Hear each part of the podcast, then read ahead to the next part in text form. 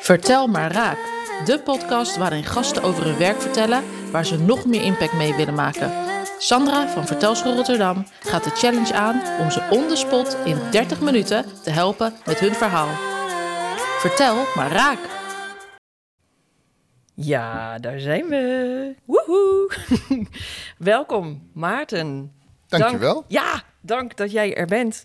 Um, ik heb jou op het podium gezien in het KPN-gebouw. Bij de Handen van Humanitas, een netwerk uh, wat, uh, waar bedrijven en sponsoren zeg maar, Humanitas ondersteunen. En jij werd er bevraagd over mentale gezondheid, wat jou persoonlijk aangaat. En um, ik moet je heel eerlijk zeggen dat ik vooraf eigenlijk niet wist dat dit op het programma stond. Ik wist wel Victor Mits. Mm -hmm. En ik wist niet uh, een interview over mentale gezondheid bij ondernemers. En ik, ik moest heel even zuchten van tevoren. Zo'n, echt, gaan we dat nu doen? Weet je wel? Omdat het ook zo'n... Het was zo, ja, op zo'n netwerk, evenement, ja. weet je wel. Dat is vaak, uh, ja, vrolijk en gaat het over de, hoe de dingen goed gaan natuurlijk. Dus ik moest even zuchten, maar je had me zo snel in de tang. Je, je, raakte me echt met je verhaal. Dus uh, nou, nogmaals dank dat je hier bent aangeschoven. Want uh, nu heb ik er wel heel erg zin in. Ja, nou ja, dat is natuurlijk ook wel een beetje het ding. Hè? Dat met uh, ondernemers gaat het altijd goed. Mm. En uh, als je aan een ondernemer vraagt hoe het gaat, eigenlijk als je aan een mens vraagt hoe het gaat, dan krijg je meestal gewoon, ja, ja, gaat goed. Ja. ja. Je krijgt zelden een, een, eerlijk antwoord. Maar hoe is dat nu als nu? Want jij bent er dus open over. Um, en ik hoop dat je zo meteen ook even een inkijkje geeft in wat mentale gezondheid dan voor jou betekent. En hoe je dat ook noemt, hè? want ik noem het nu mentale gezondheid. Misschien heb jij daar andere woorden voor. Maar um, is die vraag van: hé, hey, hoe gaat het? Neem je die nu anders op? Ja, ik denk er wel altijd even over na. Mm -mm. Uh, uh, of ik er gewoon een standaard antwoord uit zal gooien van ja, nee, gaat prima. Mm. Of uh, dat ik eerlijk zal antwoorden. En dat hangt helemaal af van degene die de vraag stelt. Ja. maar ik ben wel gestopt met standaard antwoord geven. Dus ik denk altijd wel even na van... Hm, ja. is er dan ook ruimte om te vertellen hoe het echt gaat? Ja, ja. en wat doet diegene ja. ermee? Ja. Toch? Ja. En um, sinds wanneer Doe je dat zo bewust? Weet je dat? Ja, uh, nee, eigenlijk niet. Uh, mijn, mijn, ik, misschien goed om even kort te vertellen. Ik, toen, mm -hmm. toen mijn vader overleed, toen ik 27 was, ben ik een uh, ja, best wel een pittige depressie ingedoken. Uh, dat, die heb ik eerst uh, te lijf gegaan met, um, um, hoe heet dat, Sint-Janskruid. oh, ik dacht dat je ging zeggen een goede dosis pillen. Maar nee, het waren wow. hele, hele subtiele kruiden. Ja, ja, ja, nou ja wel, wel, wel, wel veel. En nou ja, dat, dat werkt op een gegeven moment niet, niet meer. Dus toen, hm. toen ik 28 was, ook met behulp van psychologen, ben ik aan de antidepressiva gegaan. Uh, dat is uiteindelijk uh, citalopram geworden. Uh, dat heb ik um, nou ja, in een hoge dosering geslikt en toen afgebouwd. En toen lukte het uiteindelijk niet meer om verder af te bouwen dan 20 milligram. Mm -hmm. En ik vond dat best wel heftig, want uh, ja, het zijn toch antidepressiva, weet je wel. Je, je stopt iets in je lijf waarvan je niet uh, uh, weet wat het op de lange termijn met je doet. Mm -hmm. Ook niet zo heel veel over bekend is. Uh, maar goed, ik ben dat blijven, uh, blijven slikken. En inmiddels ben ik, ik word deze maand 47 en ik slik het nog steeds. En nog steeds 20 milligram. Mm -hmm. Ik heb af en toe geprobeerd te minderen. Mm -hmm. Maar dat was geen goed idee. Niet voor mijzelf en niet voor mijn omgeving. Um, Want en, wat merk je dan als je daarmee mindert? Nou, ik word. Um, ik ben heel prikkelbaar.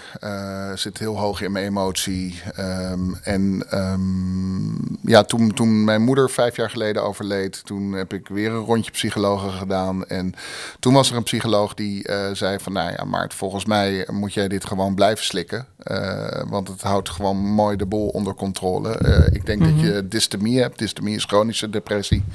En ik denk eerlijk gezegd dat je dat je leven al hebt gehad. eh, in meer en mindere mate. En eh, nou ja, bij die diagnose voelde ik me eigenlijk wel senang.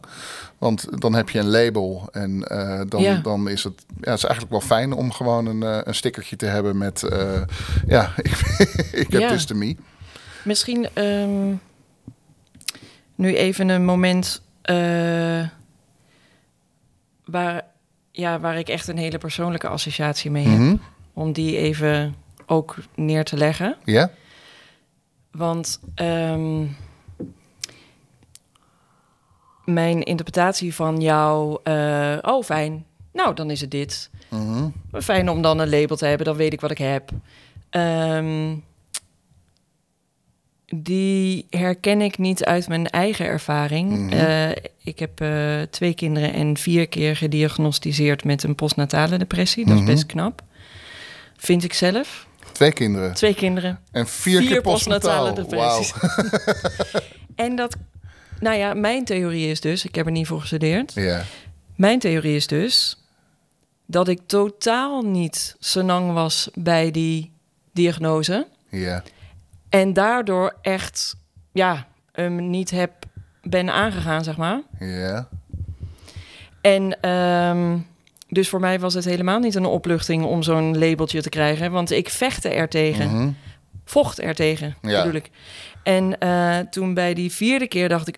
Oké, prima, is dat het dan? Ja. Nou, geef me dan maar, eh, weet je wel, eh, pillen Nu- om nu- er vanaf te komen. Nu is een postnatale depressie wel echt anders dan, dan chronische depressie. Hè? Het is, ehm, eh, mijn vrouw die heeft eh, ook een postnatale depressie gehad en eh, meerdere burn-outs. Ehm, ehm, en dat is echt iets anders en het overvalt je denk ik meer. Nu heb ik uiteraard nog nooit een postnatale depressie gehad, dus eh, ik ben geen ervaringsdeskundige. Maar ik denk wel dat, dat een postnatale depressie meer te vergelijken is met eh, hoe mijn depressie toen ik 27 was zich uitte. Dat was echt heftig met eh, ook echt angststoornissen. Eh, eh, maar waar ik in zat eh, toen mijn moeder overleed, dat was ja, veel sluimerender, zeg maar. Dus die medicatie haalt echt de, de, de, de pieken van mijn gevoel af. En niet te veel, zodat ik nog wel gewoon kan huilen, kan lachen. En, ja, kan leven. ja, ja. Alleen die dystemie die zorgt er wel voor dat ik. ehm, ehm, dat is mijn eigen ervaring. Eh, ik ben ook geen psycholoog hè, en ik loop nu ook niet bij een psycholoog. Dus ik kan het ook niet. eh dus puur uit mijn eigen ervaring. Maar ik word nu regelmatig wakker, gewoon echt met een dot watten in mijn hoofd. En eh, dat ik de dag eigenlijk gewoon niet zo goed aan kan. En eh, op het moment dat ik ergens ben met heel veel prikkels, ja, dan moet ik ook even afstand nemen. En ik merk het ook als ik ehm, hele drukke dagen heb gehad, dan de dag daarna, dan eh, moet ik daar echt van, van bijkomen. Dus ik kan veel minder hebben eh, dan dat ik dacht dat ik vroeger kon. ja.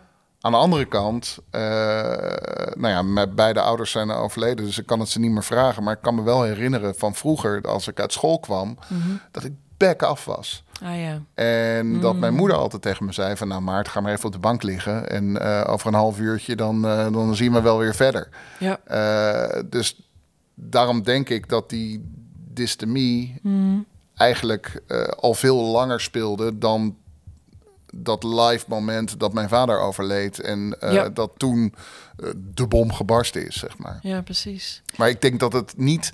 Eh, dat je het niet eh, kan vergelijken met, met een postnatale depressie. Nee. Ondanks dat depressie de, wel de, de gemene deler Ja. is. Nou, het was ook niet mijn intentie om het te vergelijken, maar meer dat mijn eh, ik kreeg Mhm. een plaatsvervangend opgelucht gevoel voor jou. Weet je wel? Dus ehm, kijk, want het is niet niks om zoiets te hebben. Maar als, je, als het je oplucht dat je weet, ah, dit is het. Ja, En dat je dus ook een beetje het verloop en het medicijngebruik en eh, inderdaad het ermee dealen in het Ja. dagelijks leven. Ehm, als dat allemaal meekomt met die diagnose Ja. en jouw opluchting van, eh, ah, hè, nou, nou weet ik ook wat het is, die voelde ik. Ja. En daar was ik blij Ja. voor, Ja. eh, door, voor jou, weet je wel? Dus dat ging er even door me heen. Ah. En de associatie was dus, oh, dat had ik dus totaal niet, want ik duwde het juist weg, weet je wel? Zo, ja, dat heb ik echt niet, doe normaal. Nee, maar Dus, ik denk eh, dat de ja. postnatale depressie ook iets is wat je echt overkomt. Hè? Dat is een schok. Dat is echt een, een, een, een, een, een- een grote knal. En, en, en, en ik denk dat een postnatale depressie wat dat betreft ook veel traumatischer is, omdat het tussen jou en je kind in staat. Het is, het is ja, eh, dat is niet helemaal mijn ervaring hoor. Dus nee? bij mij was het één geen knal en het stond niet in de weg tussen mij en mijn kind. En ben, ja, ik wil het niet te veel opeens dan over mijn ding hebben. Maar we draaien het gesprek volledig om. ah, dat was even niet zo helemaal de bedoeling. Maar ehm, nee, is, eh, sterker, ik heb zelfs gedacht... Huh, waarom heet het nu opeens postnatale depressie? Ja, Want voordat ik kinderen had, eh, ben ik ook wel eens eh, overspannen geweest. ja oké. En ik herkende eigenlijk heel veel symptomen. Dus ik dacht, huh, Dat was meer een burn-out eigenlijk dan voor jouw gevoel. nee, meer richting overspannen, zeg maar. Ja. En wel nog met een paar eh, andere, weet je wel, een paar iets heftige dingen erbij. Maar, maar dat was meer mijn, ehm, ja, eh, hoe noem je dat, eh, perceptie ervan. Ja. Dus niet zozeer van eh ladila, alle dagen fluitend en opeens die knal. Nee, Maar wel, ja, zoals jij het noemde, sluimerend. ja, En er dan niet meer helemaal zelf mee kunnen dealen. Dat, Nee. was, dat was in mijn geval zo. Maar ik heb me dus echt afgevraagd... huh, waarom heet dat nu opeens dan postnatale depressie? ja. Ja, maar goed. Ehm, waar ik... Ja, jeetje, we zijn er zelfs nog helemaal overgeslagen wie je bent. Potverdikkie. Hoi, ik ben Maarten. Ah, licht heel even toe eh, wie je bent, wat je doet, alsjeblieft. Ik ben Maarten, rasechte inbord Rotterdammer, geboren en getogen, geboren en getogen in Haarlem. eh, in 96 naar Rotterdam gekomen en ehm, eh, om hier de kunstacademie te doen, afgestudeerd als beeldend kunstenaar. En in 2010 heb ik eh Rauwse eh opgericht, eh, toen de tijd als eenmanszaak. En inmiddels is dat een creatief bureau met twintig creatieve collega's. Fantastisch. Ja, het is maar even de samenvatting. Ik zou zeggen, als je het nog niet kent, ga het even bekijken. Want Rauw CC op zijn Rotterdamst, Ja. toch? Ja, fantastisch. Dankjewel voor deze intro. Toch wel handig dat mensen even snappen wie je bent. Ehm, en ehm, het was niet alleen dat je verhaal mij raakte, maar ook eh, dat je zei van... eh, nou ja, waar je eigenlijk al mee begon. Hè, van eh, als je aan een ondernemer vraagt hoe het gaat, gaat het altijd goed. Ja, Maar dat kan niet. Dat kan niet. nee. En ehm, ja, ehm, ik weet niet of jij het een missie noemt, maar in ieder geval jouw verhaal delen is wel een ding waar je bewust mee bezig bent. Ja, Toch? ik ben, ik ben. Ik heb ervoor gekozen om open te zijn over mijn eh, verhaal. Eh, buiten die dystemie eh, kom ik echt uit een eh, behoorlijke pittige burn-out. Eh, mm, ik weet niet of ik er helemaal uit ben. Ik weet niet of ik er ooit helemaal uitkom. Het is iets waar je inglijdt en uitkrabbelt. En soms komt het weer even terug. En eh, eh, ik, ik ben daar heel open en transparant over. eh, zowel naar mijn omgeving als naar ehm, eh, mijn collega's toe. Eh, tuurlijk heb ik wel, net als iedereen, een muurtje rond mijn hart gebouwd. En is dat muurtje, laat ik zo zeggen, er is heel veel openheid rond mijn hart. Alleen ja, op een gegeven moment kom je wel op een plek wat een stuk moeilijker te doorbreken is. Ehm, eh, maar naar mijn eh, collega's toe ben ik heel erg open. Heb ik, nou ja, die, die burn-out was eigenlijk ook een, een, een vloek en een zegen. Een vloek omdat je als ondernemer natuurlijk eh, niet geconfronteerd wil worden met je eigen beperkingen. Hè? Ik bedoel, je, let, eh, je legt als ondernemer de lat altijd hoger dan dat je misschien zelf aan kan. En eh, je bent continu naar verbetering aan het streven. En Ehm, eh, ja, dan, dan, is, uh, dan is dat wel heftig om dan met je eigen grenzen geconfronteerd te worden.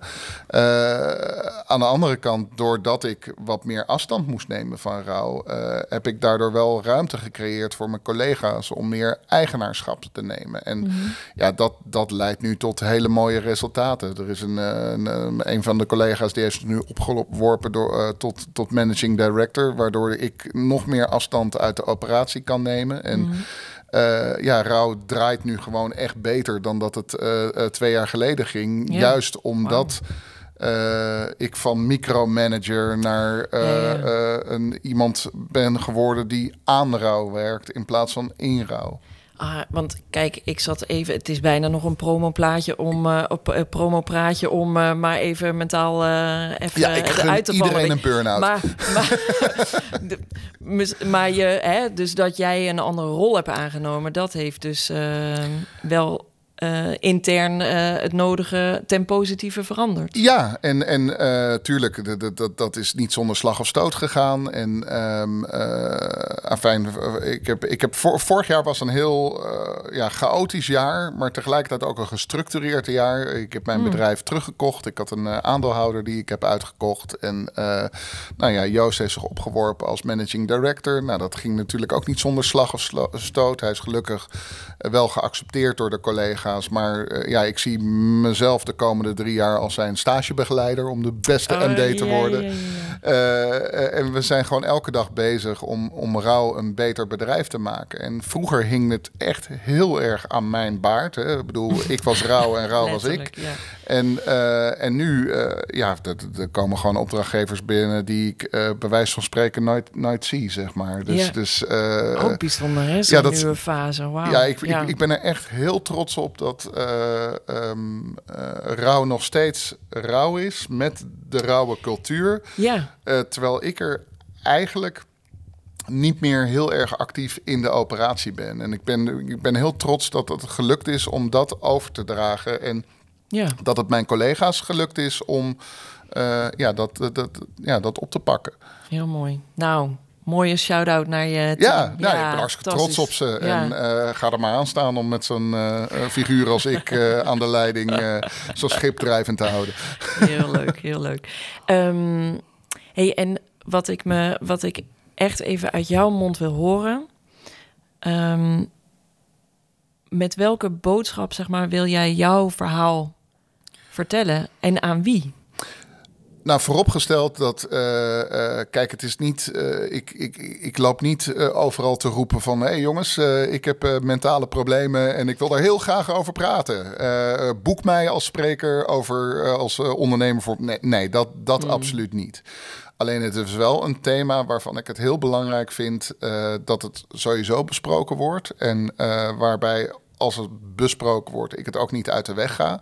Dus uh, nou ja, zoals met Handen van Humanitas, uh, Nicole die vroeg mij van... Goh Maart, ik vind dat je een mooi verhaal hebt. Uh, voel jij je dus lang bij om dat verhaal ook op een podium te vertellen... om daarover geïnterviewd te worden?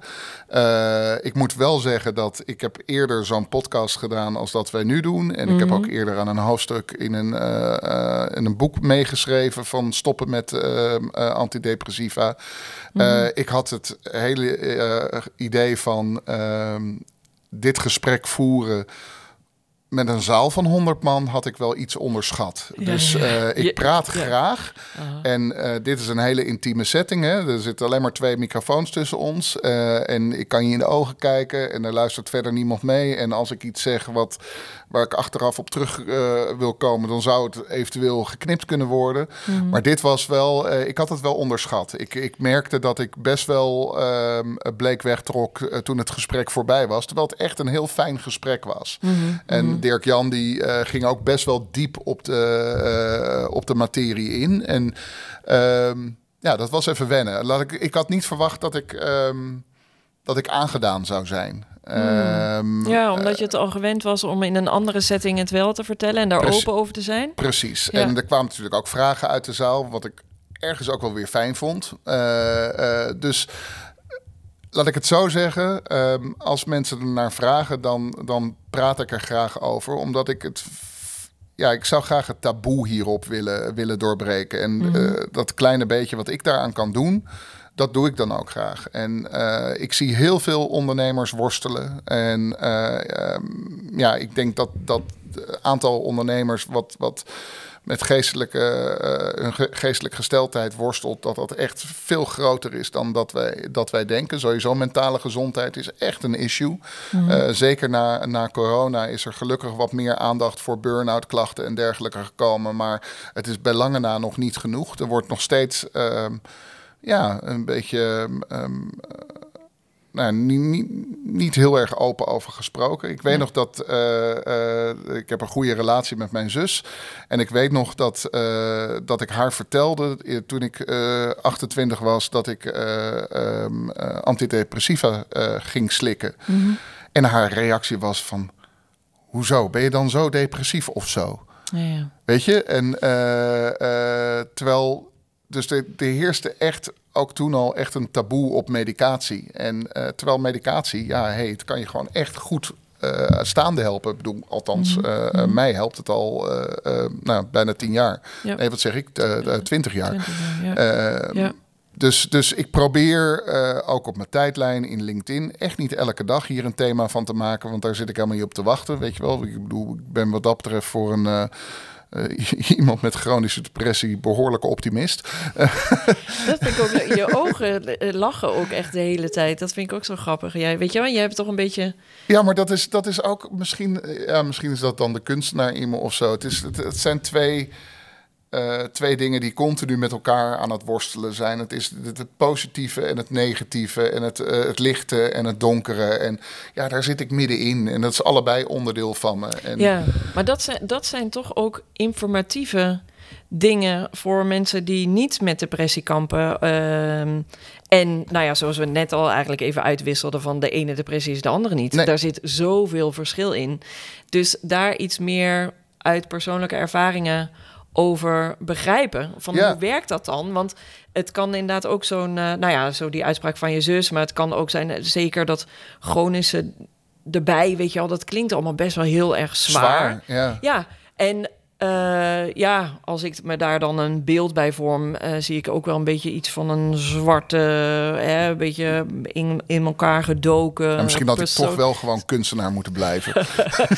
Maar zo, inderdaad, dat, het klinkt eh, zwaar. En als ik jou eh, zie, eh, zie ik eh, ja, eh, vrolijkheid, weet je ja, wel? aan de andere kant, jij ziet mij natuurlijk alleen eh, op momenten dat ik me goed genoeg voel om naar buiten te Ja, gaan. Dus ja, ik heb ook ja. momenten dat ik gewoon echt mijn huis niet uitkom. Mhm. Eh, en dat ik gewoon echt eh, ja, last heb, donker ben. Ik heb, wat ik net al aangaf, mijn vrouw die heeft meerdere burn-outs gehad en inderdaad een postnatale depressie. Dus we begrijpen elkaar heel goed en we laten elkaar wat dat betreft ook heel erg in elkaars waarde. We, we herkennen steeds meer van elkaar.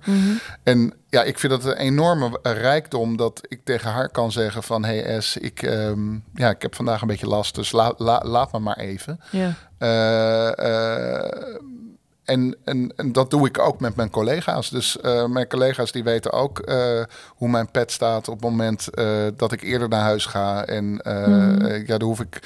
Ja, soms geef ik, eh, eh, zeg ik wat er aan de hand is. En eh, ja, ze vragen gelukkig ook vaak genoeg hoe het gaat. Maar het, ik- ja, ik heb donkere dagen en ik heb lichte dagen. Ja, maar dat, dat zijn inkijkjes die maken het ook net wat je over je vrouw zegt. Weet je, het maakt zo ontzettend menselijk. Ja, En ik, ik, word daar, ik heb daar bewondering voor en ik word er een beetje week van, weet je wel. Dus de, ja, het doet me wat. Dit is dus wat mij raakt, weet je wel. Mhm. Dat het zo, het gaat niet per se over gezondheid of, of hè, juist eh, ziek zijn. Ehm, het is niet een technisch verhaal. Het gaat over hoe leef je jouw leven ja, met alles wat eh, daarin zit. Dus je hebt een bedrijf, je hebt samen een kind, je hebt eh, hè, mentale uitdagingen of eh, echt diepe dalen. En daarin ben jij niet alleen, want ehm, iedereen heeft zijn eigen leven met lichte en donkere dingen erin. ja. Maar de ene eh, hè, wat gematigder dan de ander. Ja, en de ander kan er misschien wat, wat makkelijker mee omgaan. Het is, dit, dit, het, het is wel een worsteling. Want ik weet namelijk heel goed wat goed voor me is en wat niet goed voor me is. Mhm. Eh, dus eh, wandelen, super goed voor me. Ja. Fietsen, bewegen. Ik heb alleen een pleurishekel aan, eh, aan sporten. Dus dat is, eh, ja, dat is gewoon... Ik heb vanochtend gebokst eh, met frisse tegenzin. Ik had hier natuurlijk met de fiets kunnen komen, maar ik ben toch met de auto gekomen. Hij is ook wel heel leuk, hè? Ja, dat dan weer Ja. wel. En, en, en, en dat is ook wat ik werk. met, met mijn vrouw is dat hetzelfde natuurlijk. Dat wat voor ons heel goed zou zijn als we elk weekend gewoon zouden gaan wandelen de natuur in. Mm. Alleen mijn vrouw die, eh, ja, die heeft de neiging om, net als mijn dochter trouwens, om echt in haar kokon te zitten. hè. Die zijn echt, nou ja, best wel Einzelgangers. eh, het liefst gewoon thuis. Eh, eh, en, en dus dan moet het van mij uitkomen. En ik heb daar niet altijd de energie voor om die meiden bij de haren te pakken en het bos in te slepen, zeg maar. Nee, nee. Dus dus dat, dat is ook wel ja, een continu, nu- continue worsteling dat je weet wat goed voor je is, Ja. maar dat je toch ruimte geeft aan datgene eh, wat je het liefste doet. Ja, en dat, nou ja, ook dat is natuurlijk zo menselijk. Ja. Toevallig zat ik vanochtend op de fiets er nog aan te denken. Dat eigenlijk, ehm, nou ook in mijn werk met storytelling, ehm, alle mensen kunnen verhalen vertellen. Maar om het opeens op je werk te doen, is dan blijkbaar echt wel een drempel. Ja, En het is dus niet zo dat je niet weet hoe het moet. Hè? Net als eh, jij weet heel goed wat je moet doen Ja. om, om eh, hè, eh, mentaal fit te, te blijven of te, weer te worden. ja, Maar dat is wat anders dan het ook daadwerkelijk steeds toepassen. ja. Dus weten is een heel essentieel onderdeel, maar het echt uitvoeren, dat is misschien nog net een stapje moeilijker. ja. Ja, ik ehm, wil. En je zit al op een half uurtje. Nee, nee, nee, nee, nee. Nog, Nee, niet. nog niet? Nee, nee, nee. Ik heb, ik heb het in de gaten. Dankjewel dat je me mee helpt met mijn challenge. Nee, ik, ik wil de laatste paar minuten die er nog over zijn... ehm, wil ik heel graag even inzoomen op eh, jouw wens om een, eh, om een bijdrage te doen... om het taboe te doorbreken. Ehm, het taboe over, eh, dus hebben over mentale uitdagingen... of ehm, eh, nogmaals, welke bewoordingen dan ook. En nou ben jij dus open daarover op je werk naar je collega's toe en ehm, nou ja, thuis. Mhm. Ehm, en is dat dan ook een onderwerp wat er andersom ook gedeeld wordt? Dus ben jij ook, wij- dus jij bent open met het delen Mhm. en ben je ook bewust aan het vragen aan de collega's van hoe zit jij daarbij of hoe, hoe werkt dat bij jullie? Ehm, nou, ja, eh, vooropgesteld dat, dat eh, we het bij Rauw wel goed geregeld hebben. Dat we goed op elkaar letten en eh, dat we een vertrouwenspersoon hebben. En eh, dat, ik, dat ik echt wel eh, mensen in de gaten hou en, en ehm, eh, de collega's elkaar ook in de gaten houden. Dus wat dat betreft is het echt een hele fijne, veilige eh, eh, werkomgeving. Eh, buiten Rauw om ehm, probeer ik echt, eh, doe ik heel hard mijn best om minder veroordelend te zijn. Je hebt heel snel over iemand een mening, maar elk huisje heeft zijn kruisje. Iedereen eh, eh, worstelt met kleine en grote dingen. En ik ben wel heel bewust bezig om eh, wat minder snel te oordelen over mensen. En, eh, want wat je merkt is als je zelf open en transparant bent over zaken. En nogmaals, ik, ik, ik, ik hang niet de vlag uit van eh, hier woont een, een depressief persoon. Of eh, elk gesprek gaat zoals dit gesprek, weet je wel. Maar als het erover gaat, dan, dan krijg je uiteraard ook meer terug. En dan, nou ja, net als bij jou. Ik bedoel, eh, ik wist niet dat jij vier keer een postnatale depressie hebt gehad. Wauw, heftig. Weet je wel, kunnen we het ooit nog eens een keer over hebben. Eh, maar dat krijg je natuurlijk niet als je, als je er zelf eh, eh, niet over begint. Nee, precies. Dus, ehm, en, en het is ook wel een teken dat eh, ja, iedereen worstelt. En in, zeker in deze tijd waar, waarin er zoveel van je gevraagd wordt... en we zo ver van eh, de natuur afstaan en eh, ja... eh, spelen dat soort eh, zaken natuurlijk ook een grote rol. Dus ik probeer wel echt eh, heel bewust wat minder te- snel te oordelen over Ja. Ja. anderen. Terwijl ik vroeger daar veel feller in was. Mhm. En ehm, ja, dat is wel, ik ben wat dat betreft wat milder geworden. Nou, dat is mooi. Ja, en ehm, even terug naar de situatie bij rouw. Want je zegt van wij houden elkaar in de gaten. Hoe ziet dat, dat concreet eruit?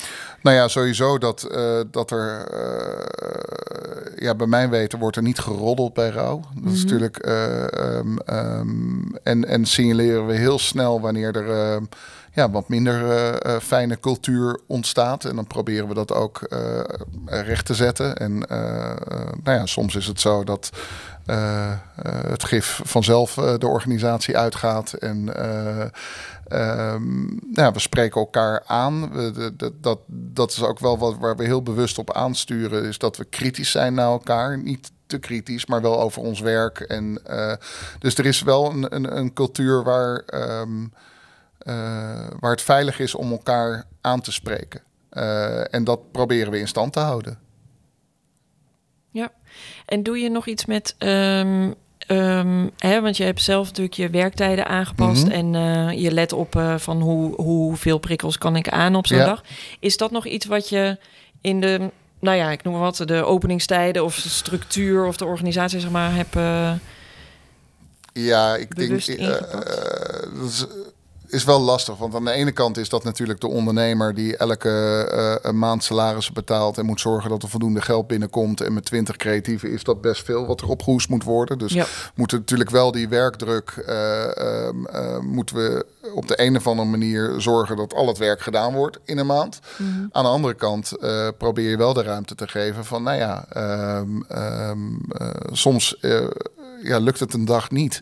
Weet je, dat is natuurlijk toch met, met creativiteit zo. Dat kan je niet afdwingen. Dus, dus dan heb ik liever dat je eh, lekker vrij neemt en eh, de volgende dag eh, wat meer doet. En ehm, ja, we zijn gelukkig ook niet een bureau waar tot zeven uur s'avonds door wordt gewerkt. Sterker nog, bij, bij ons is om half zes is iedereen vertrokken.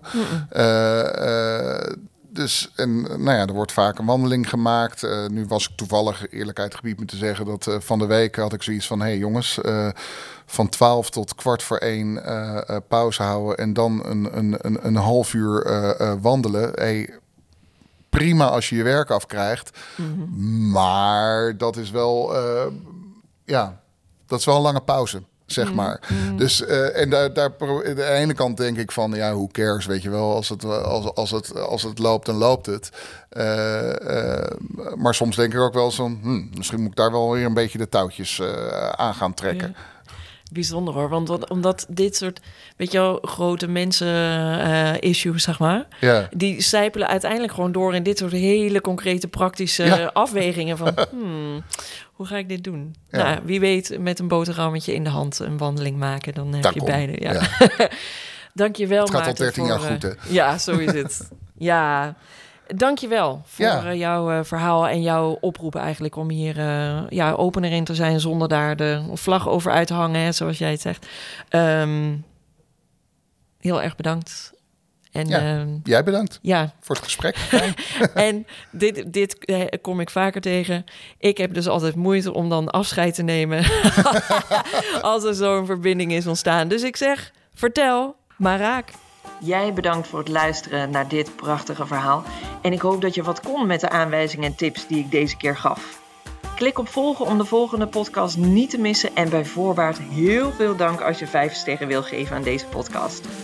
Laat het me weten als jij zelf een keer te gast wil zijn. Of als je iemand kent voor deze podcast.